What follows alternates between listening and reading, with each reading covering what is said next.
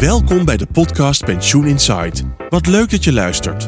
In deze PwC-podcast nemen we je op hoofdlijnen mee in de belangrijkste elementen in het nieuwe pensioenstelsel als gevolg van de wet toekomstpensioenen en kijken we naar pensioen binnen het bredere arbeidsvoorwaardenpakket. Er gaat een hoop op ons afkomen, maar wat zijn nou dingen waar je echt rekening mee moet houden? En misschien nog belangrijker, wat moet je er precies mee en wanneer? Dit en nog veel meer hoor je in deze podcastreeks. Nou, welkom dames en heren bij alweer de vierde aflevering van Pensioen Insight. Onze podcast van PwC waarin wij eh, met name werkgevers willen bijpraten rondom alle aspecten van het nieuwe pensioenstelsel. En vandaag gaan we het hebben over pensioenen en belasting. Nou, dat is natuurlijk mijn grote hobby. Mensen die mij kennen weten dat. Maar we gaan het niet alleen hebben over de fiscale aspecten van pensioen, maar dat vooral ook in breder perspectief plaatsen. Daarom zit ik uh, vandaag samen met uh, Daniel Sternveld, collega-partner bij PwC. En die weet alles van loonbelasting, sociale zekerheid en alles wat daarbij komt kijken. Welkom Daniel, ja, leuk dat je er bent. Dankjewel uh, Bastiaan, dankjewel. Leuk dat je er bent. Ik ben even benieuwd, hè? je hebt me gevraagd om mee te doen aan deze podcast en over compensatie. Maar waarom eigenlijk? Goeie vraag. Kijk, uh, dat komt omdat we, uh, zoals ik in de vorige podcast al met, uh, met Ronald en ook met Raymond later heb besproken, is dat een van de belangrijke onderdelen van dat nieuwe stelsel is dat we adequaat moeten gaan compenseren. En eh, de goede luisteraar die weet uit die eerdere podcasts dat adequaat compenseren enerzijds in de pensioenregeling kan worden vormgegeven. Nou, ik kan daar straks nog wat meer over vertellen hoe dat fiscaal allemaal begrensd is. Maar er is ook een keuze om het buiten de pensioenregeling te doen. Ah. En als het buiten de pensioenregeling gaat, nou ja, dan wordt het uh, ook, ook fiscaal gezien meer jouw vak. Want ja, hoe zit dat dan? Hè? Is dat gewoon bruto loon? Is dat belast? Zijn er nog handigheidjes, et cetera? Dus daarom dacht ik, laten we jou uitnodigen. Nee, dat, dat vermoeden had ik al een beetje hoor. Dat ik, ik had het een beetje ingelezen en ik, volgens mij gaan we die kant op. Ja. Maar, uh, maar fiscaliteit en pensioen is eigenlijk jouw ding, hè, in brede zin. Ja, dat klopt. Nou, bedankt voor het compliment. hè. Dus inderdaad, hè, dus misschien goed om daar ook kort even iets over te zeggen. Want in dat nieuwe stelsel gaat dat wel een beetje anders dan in het huidige stelsel. Kijk, ja. uh, we weten dat in het huidige systeem hebben we middelloonregeling en, en soms nog eindloonregelingen. Die zijn ge, fiscaal gemaximeerd op opbouwpercentages. En we hebben al beschikbare premieregelingen waar we niet kijken naar de opbouw, maar juist naar maximale premie. Dus wat je maximaal mag inleggen. En we hebben het daar vorige keer ook over gehad. In het huidige systeem loopt die premie op naarmate je ouder wordt. Maar in het nieuwe systeem is dat een vaste premie. Een vaste maximale premie voor alle leeftijdscohorten. Dus of je nou 20 of 60 bent, iedereen mag datzelfde percentage fiscaal maximaal storten. Nou, dan weten we ook dat dat uh, maximum voor nu staat op 30% Dat is ook wat we horen overal. Hè. De fiscaal maximale premie is 30 daar is tien jaar lang ruimte om 3% extra te storten. Dus je mag tien jaar lang 33% storten. En die 3% is dan uh, om die overgangsmaatregel te compenseren. Als je het in de pensioensfeer doet. Maar wat heel veel mensen zich nog onvoldoende realiseren. Is dat die 30% is niet vast voor altijd. Die is afhankelijk van de rente. En die 30% is gebaseerd op 1,5% rekenrente. Maar de, in de wet staat ook dat als die rente stijgt of daalt dan gaat dat fiscale maximum ook omlaag of omhoog. En als we goed naar de rentestand kijken de laatste periode en, en uh, wat prognoses, dan zou het maar zo kunnen zijn dat die 1,5% rente waar wij, wij die 30% hebben bepaald, dat dat wel eens naar 2% zou kunnen gaan. En dan zie je dat er al 5% punt minder premie mag worden ingelegd. Dus 25 in plaats van 30. Dus beste luisteraar, hou er rekening mee dat het wel eens zo zou kunnen zijn dat nog voordat wij dadelijk die nieuwe pensioenregelingen hebben ingevoerd bij 1 januari 2028, het maximum al geen 30 meer is, maar misschien al gezakt is naar 25 of misschien wel gestegen is naar 35. Dus daar moeten we rekening mee houden. En dat gaat ook in de toekomst altijd blijven gebeuren. Dus die, dat fiscale maximum fluctueert mee. Nou, en, en, en, dan waarschijnlijk ook de compensatie. Die 10% is dan natuurlijk ook afhankelijk van dat bedrag. Nee, die 3% punt blijft gelijk. Oh, die blijft gelijk? Ja, die blijft gelijk. Dat is een goede vraag. Ja, nee, die blijft gelijk. En misschien nog even drie andere aspecten die ook rondom belastingen in die nieuwe wet zitten. De eerste is het feit dat je op pensioendatum 10% van jouw pensioenkapitaal mag afkopen. We noemen dat een zogenoemde lump sum bepaling. En daar zitten belangrijke fiscale aspecten aan. Dus als jij, eh, stel je hebt 500.000 euro in de pot, je komt op pensioendatum, dan mag je dus in één keer 50.000 euro opnemen. Ja, en jij weet als geen ander, dat heeft direct progressienadelen. Hè? Dus dan val je misschien wel in een hoger belastingtarief. Of je raakt je zorgtoeslag kwijt of je huurtoeslag omdat je een piekinkomen hebt in dat jaar. Dat is fiscaal van belang. Een tweede is dat in de wet de ruimte om fiscaal vriendelijk verlof te sparen, hè, dus vrije dagen op de lat te hebben staan, van 50 naar 100 weken is uh, gebracht, dus verdubbeld. En dat is ook uh, met name gedaan om uh, mensen in zware beroepen de gelegenheid te bieden eigenlijk twee jaar eerder met pensioen te kunnen. Moet natuurlijk wel gefinancierd worden. Die verlofdagen moeten wel gewoon betaald worden. Dus nou, dat is vooral een CAO-vraagstuk of een arbeidsvoorwaardenvraagstuk. En de derde die nog van belang is, is de zogenoemde RVU-drempelvrijstelling. Nou, dat klinkt een beetje technisch. RVU staat voor Regeling voor Vervroegde Uittreding.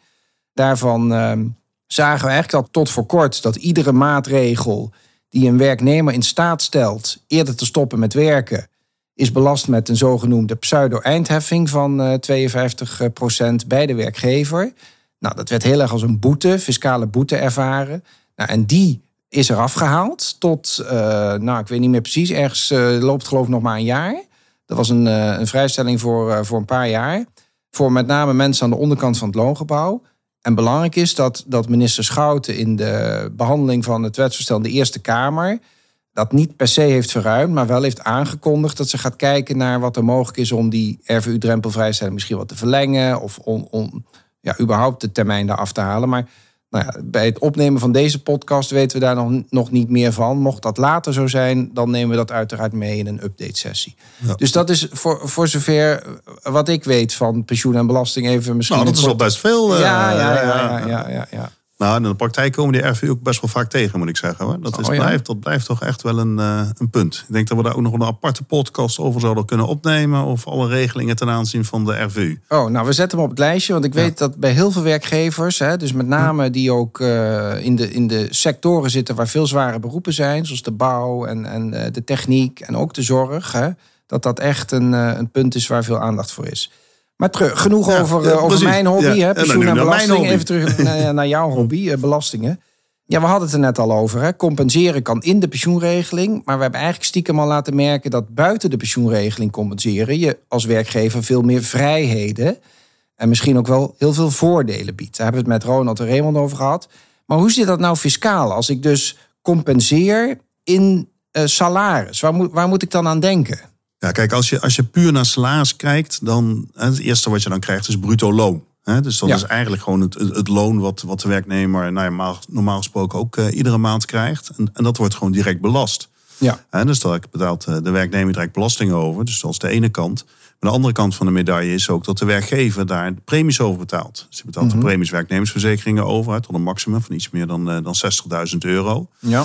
Maar ook andere uh, nou ja, zeg maar loonafhankelijke regelingen die worden dan verhoogd. Hè? Het, het zou zelfs zo kunnen zijn nou ja, dat je dus mm -hmm. als je dat in je pensioenregeling opneemt, dat het zelfs grondslag is weer voor het pensioen. Ja, dus, dus, dus ik krijg, ik krijg, weet ik veel, duizend euro de maand compensatie voor het feit dat mijn pensioenregeling achteruit gaat. En over die duizend euro kan ik dan weer pensioen opbouwen. Nou, precies. Hè? Ja. Dus uh, nou ja, de vraag is of, dat, of je dat wil of niet. Hè? Dat kan natuurlijk in de pensioenregeling uh, kan je dat opnemen. Maar ja, dan uh, uiteindelijk houdt de werknemer hier een netto bedrag aan over. Ja, en de vraag is, zou dat niet handiger kunnen of slimmer kunnen? Hmm, vast wel, want anders bracht je niet tafel. Nee, nou ja, ja nou, dank voor de voorzet, uh, Bastiaan. Inderdaad, kijk, de arbeidsvoorwaarden bestaan uit heel veel verschillende regelingen vaak. En dat is door de jaren heen groeit dat en groeit dat en worden er dingen naartoe gevoegd. Soms vanwege fiscale mogelijkheden, fiscale vrijstellingen. En soms ook vanuit een behoefte van de werknemer of vanuit de werkgever om iets te, te stimuleren. Mm -hmm. Het hele idee daarachter is dus dat als je alle arbeidsvoorwaarden bij elkaar bekijkt en over een bepaald deel betaal je belasting, maar je hebt ook een deel waar je geen belasting over betaalt. Of mm -hmm. waar de werkgever belasting over betaalt. Waar moet ik dan aan denken? Nou ja, waar de werkgever belasting over betaalt, dat noemen we dan de werkkostenregeling. Hè. Dus dat is, dat is eigenlijk eens een aantal jaar geleden, flink aantal jaar geleden ingevoerd. En het idee daarachter is dat de werkgever meer vrijheid krijgt om een bepaalde vergoeding aan de werknemer te geven, zonder dat daar belasting over betaald wordt. Mm -hmm. Dat is een budget. Daar betaal je tot een bepaald percentage van je loonsom geen belasting over. En daarboven betaal je dan 80% belasting. De werkgever. De werkgever. En dat, en dat klinkt misschien als heel veel, hè? 80 procent. Ze denken, nou, dat is een bizar ja. percentage. Dat is meer dan 49,5 maximale tarief toch in de inkomstenbelasting. Ja, precies. En, en toch is dat niet zo. Hm. Omdat die belasting, die bereken je namelijk over het netto-loon. Terwijl normaal bereken je een belasting over het bruto-loon. Dus als je die 80% zou terugrekenen naar een normale belasting over het bruto-loon... dan is dat een tarief van ongeveer 44%. Oh. En dat is dan weer een stukje lager dan die 49,5. Ja. Plus wat er nog bij speelt is, je bent er geen premies over schuldigd. Dus het, hè, dus Geen de premies werk- werknemersverzekering. geen premies werknemersverzekering, Ja. wat er al ergens tussen de 12 15 procent is. Ja. Dus dat maakt, echt wel, dat maakt echt wel een verschil. Nou, kan je alles zomaar in die werkkostenregeling stoppen? Nee. nee dat is, hè, daar, zit, daar zitten beperkingen aan. Het moet in enige mate gebruikelijk zijn. Ja. Hè, dus het kan niet zo zijn dat je iets, nou ja, een, een, eh, een hele exotische eh, eh, vergoeding aan een één of een enkele werknemers geeft. Hè, dat, dat is niet gebruikelijk. Aan de andere kant zien we dat heel veel vergoedingen wel gebruikelijk zijn om een werknemers te geven. En dan kan je denken vergoedingen om thuis te werken, vergoedingen boven bepaalde reiskosten. En er zijn heel veel vergoedingen die je als werkgever kan, eh, kan geven. Mhm. Als we dan even teruggaan naar de compensatie voor, de, voor het pensioen, hè, want daar, daar hebben we het dan eh, vandaag over. Ja. Dan zou je erover na kunnen denken dat je een, een bepaald bedrag per maand aan de werknemer kan geven als compensatie voor pensioen. Dat zou ook in een werkkostenregeling eh, kunnen. Als je ruimte hebt, hè? Als je ruimte hebt. Kijk, er wordt een, een soort doelmatigheidstoets eh, toegepast van de werkkostenregeling. Dat als je onder de 2400 euro per jaar blijft, dan wordt het doorgaans gewoon als gebruikelijk aangemerkt. Ja, ja. Dus die ruimte die heb je. Dus dan zou je, daar zou je dus de werknemer al mee kunnen compenseren. Mhm. Een deel zou dan kunnen zijn dat het onder je eh, vrijstelling valt. Hè, dat je helemaal geen belasting over betaalt. Over meerdere betaal je dan misschien 80%. Maar dat is dan nog altijd minder als je het vanuit het netto beoordeelt. Dan als je in het toptarief zit. En als werkgever er nog een keer premies werknemersverzekering over moet betalen. En, en mag ik nou als werkgever zelf kiezen wat ik via die eindheffing hè, van 80% de fiscale route ingooi? En wat, of wat ik normaal via de normale loonheffingsroute laat verlopen? Ja, in de basis mag je dat als werkgever zelf bepalen. Je hebt natuurlijk cao's en andere zaken die natuurlijk hè, dwingend bepalen hoe je bepaalde arbeidsvoorwaarden, hoe je daarmee om moet gaan. Maar als dat daar niet in geregeld is, dan kan je als werkgever gewoon zelf bepalen. Dan moet je dat zelfs zelf bepalen of iets werknemersloon is of wat dit noemen we dan werkgeversloon is. Ja, want Dus als, dan- als het werkgeversloon is, als ik het goed begrijp, dan is het, dan, dan is het ook geen loon, fiscaal loon voor die werknemer. Dus hij bouwt Nee. er geen pensioen over op. Hij is er niet voor verzekerd. Het telt niet mee voor of die zorgtoeslag krijgt of Nou niet. ja, het dat- blijft daar allemaal buiten, of niet? Ja, en dat vind ik en dat laatste ook een belangrijk punt. Want ik denk dat dat hier en daar nog boven het hoofd gezien wordt. Ja. Als je een werknemer dus bruto loon compenseert, Ja. dan gaat ze inderdaad zijn loon ook gewoon op de loonstrook omhoog. Ook op je jaaropgave omhoog. Maar ook je loon voor alle soorten eh, inkomensafhankelijke toeslagen. Dus huurtoeslag, je zorgtoeslag, noem het allemaal maar op. Daar kom je dan misschien minder snel voor een aanmerking.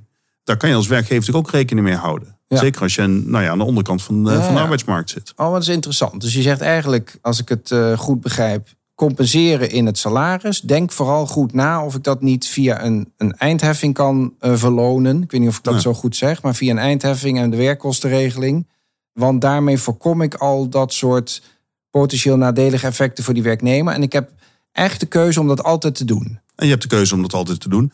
Kijk, en wij gaan nu meteen in, eh, op, de, op het de werkkostenregeling. Maar je zou dat ook breder kunnen trekken. Je hebt natuurlijk heel veel arbeidsvoorwaarden die een bepaalde vrijstelling gelden. Zoals? Nou, opleidingen. Hè, Opleidingen. Dus, hè, wat we natuurlijk nu zien is dat eh, eh, voorheen kon je opleidingen aftrekken in de IB. Nou, dat is een Inkomstenbelasting, aantal- Inkomstenbelasting, sorry. Ja. Ja. Maar ja, die, die, die aftrek die is komen te vervallen. Dus je hebt geen aftrek meer voor de inkomstenbelasting voor, voor studie.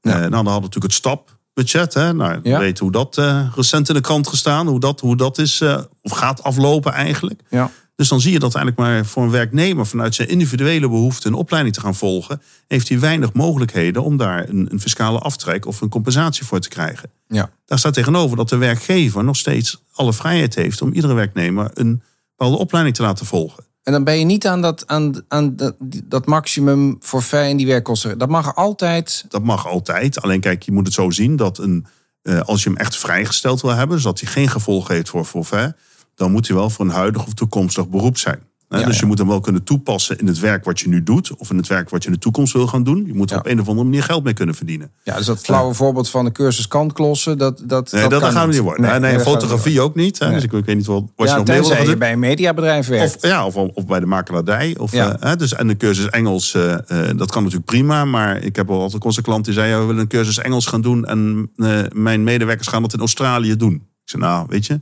Hè, dat, Ja. zou, dat zou wel eens tegen een bepaalde gebruikelijkheid eh, aan, eh, aan kunnen lopen. Ja. Hè, dus dat is wat minder voor de hand liggend. Maar opleidingen zou je kunnen doen. Een MBA kan ik me heel goed voorstellen. Dat zijn natuurlijk dure opleidingen. Nou ja, als een, een werknemer daar echt behoefte aan heeft... dan zou je kunnen zeggen, nou laten we daar, en laten we daar dan die compensatie in zoeken. In plaats van dat we die compensatie gaan zoeken in, in bruto loon, waar je nou ja, uiteindelijk belasting over betaalt. En je hebt zelf ook geen mogelijkheid om, om die kosten af te trekken in je inkomstenbelasting. Ja. Eh, Kijk, dus het idee achter de compensatie, en we noemen nu wat, wat, wat losse regelingen naast elkaar. Maar eigenlijk als je dit gestructureerd wil aanpakken, is het idee dat je je huidige arbeidsvoorwaarden daar goed in kaart brengt. En kijkt welke mogelijkheden je hebt om die compensatie te zoeken en welke vrijstellingen er dan zijn. Ja. Eh, En, Nee, en, en nu je dat zo zegt, Daniel, dan, ik- verplaats me even in een werkgever. Denk, nou ja, ik heb al een ingewikkeld traject te lopen. Hè? Arbeidsvoorwaarden onderhandelen over pensioenen. Dan ook nog een compensatie. Nou, dan ben ik eruit. Dan denk ik, nou, eh, cash makkelijk, hè? gewoon in de payroll. maar als ja. ik, eh, er zijn wel voordelen. Maar wat betekent dit nou administratief voor mij? Krijgt er dan heel veel gedoe bij als werkgever in de payroll? Of hoe zit dat? Ja, kijk, in de payroll zal dat meevallen. Kijk, het, het voordeel van dat, van dat werkgeversloon is, is dat je in de payroll eigenlijk geen impact hebt. Omdat als je eindcijfer moet betalen, dan doe je dat één keer in de afloop van het kalenderjaar. En voor de rest heb je niks in de payroll. Nee. Aan de andere kant, als je een bepaalde vrijstelling wil toepassen, dus dat het echt niet belast is, dan moet je wel als werkgever kunnen aantonen dat die vrijstelling terecht is. Ja. Want je, anders zou het loon zijn. Ja. Dus daar zit een administratieve last. Nou, is dat bij opleidingen? Ja, is dan natuurlijk wel, maar dat is ook wel weer erg te overzien. Ja. En eh, er zijn natuurlijk een heel aantal vergoedingen waar dat eigenlijk prima te, eh, te overzien is.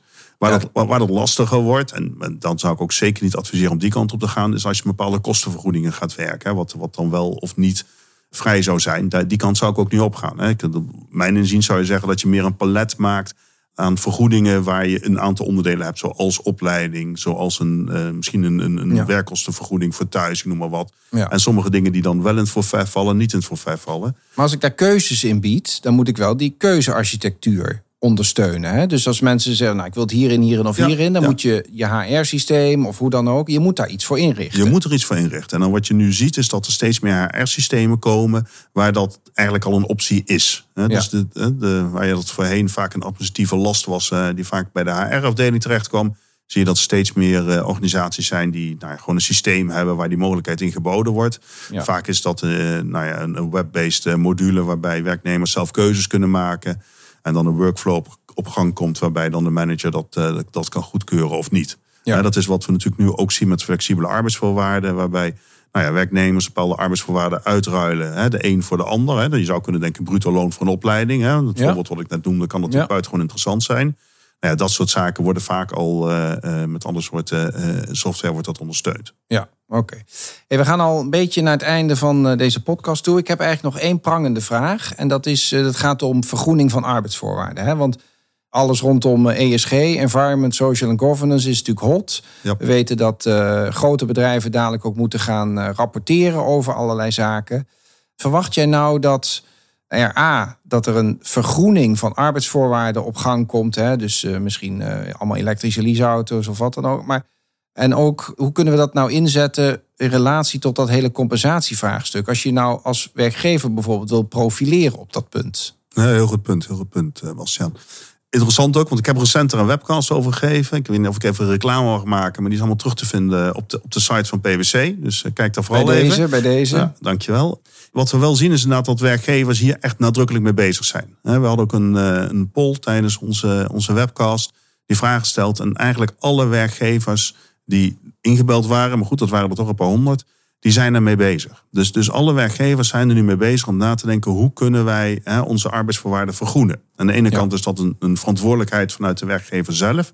Zij voelen gewoon die, hè, dat maatschappelijke belang wat we hebben. Aan de andere kant heeft het ook te maken om het aantrekken van nieuw personeel. Hè. Ja. Dus, dus, hè, dus het blijkt gewoon dat heel veel werknemers, zeker eh, jonge werknemers, die zijn gewoon heel erg eh, getriggerd als een organisatie zich op zo'n manier opstelt. Ja. Nou, ja, en dan, hè, dan mobiliteit is natuurlijk, jij noemde het net ook als iets wat, wat heel snel eh, naar boven toe komt, hè, als onderdeel Ja. van die ESG. Maar je zou ook eh, kunnen denken aan opleidingen. Het klaar zijn voor de toekomst. Hè. Alle Ja. veranderingen die nu op ons afkomen. Om te zorgen dat je daar een, eh, een adequate een opleiding voor biedt. Ja. Ook misschien ook wel voor werknemers die iets meer eh, op leeftijd zijn. Ja. Dus ik, ik zie daar zeker een mogelijkheid in, ook in, in de vergroening. Dus ik denk dat dat een hele mooie nou ja, wisselwerking zou kunnen zijn in de combinatie die je wil aanbieden aan je, aan je werknemers. Leuk. Nou goed, eh, Daniel, bedankt voor dit leuke gesprek. En Mijn takeaways zijn in ieder geval dat pensioenen en belasting veel meer is dan dat ik altijd dacht. En mijn advies aan de luisteraar zou ook zijn: eh, als u bezig bent met de wijziging van de pensioenregeling en het compensatievraagstuk is altijd aan de orde, maar u neigt naar compensatie in de loonsfeer, denk dan heel goed na wat ook de fiscale mogelijkheden daaromheen zijn. En misschien zijn er wel heel veel voordelen te behalen. Enerzijds financiële voordelen, hè, lagere Zeker. belasting, Ja. maar ook vooral. Hoe zet je dat fiscale instrument dan zo in dat het je weer helpt om een aantrekkelijker werkgever te worden en eh, je beleid te realiseren? Nou ja, nogmaals dank. Eh, ik vond het een leuk gesprek en eh, ik kijk uit naar eh, de volgende podcast. Bedankt voor het luisteren naar deze podcast. Kijk voor meer informatie over pensioenen op de website van PwC en volg onze podcast in jouw favoriete podcast-app.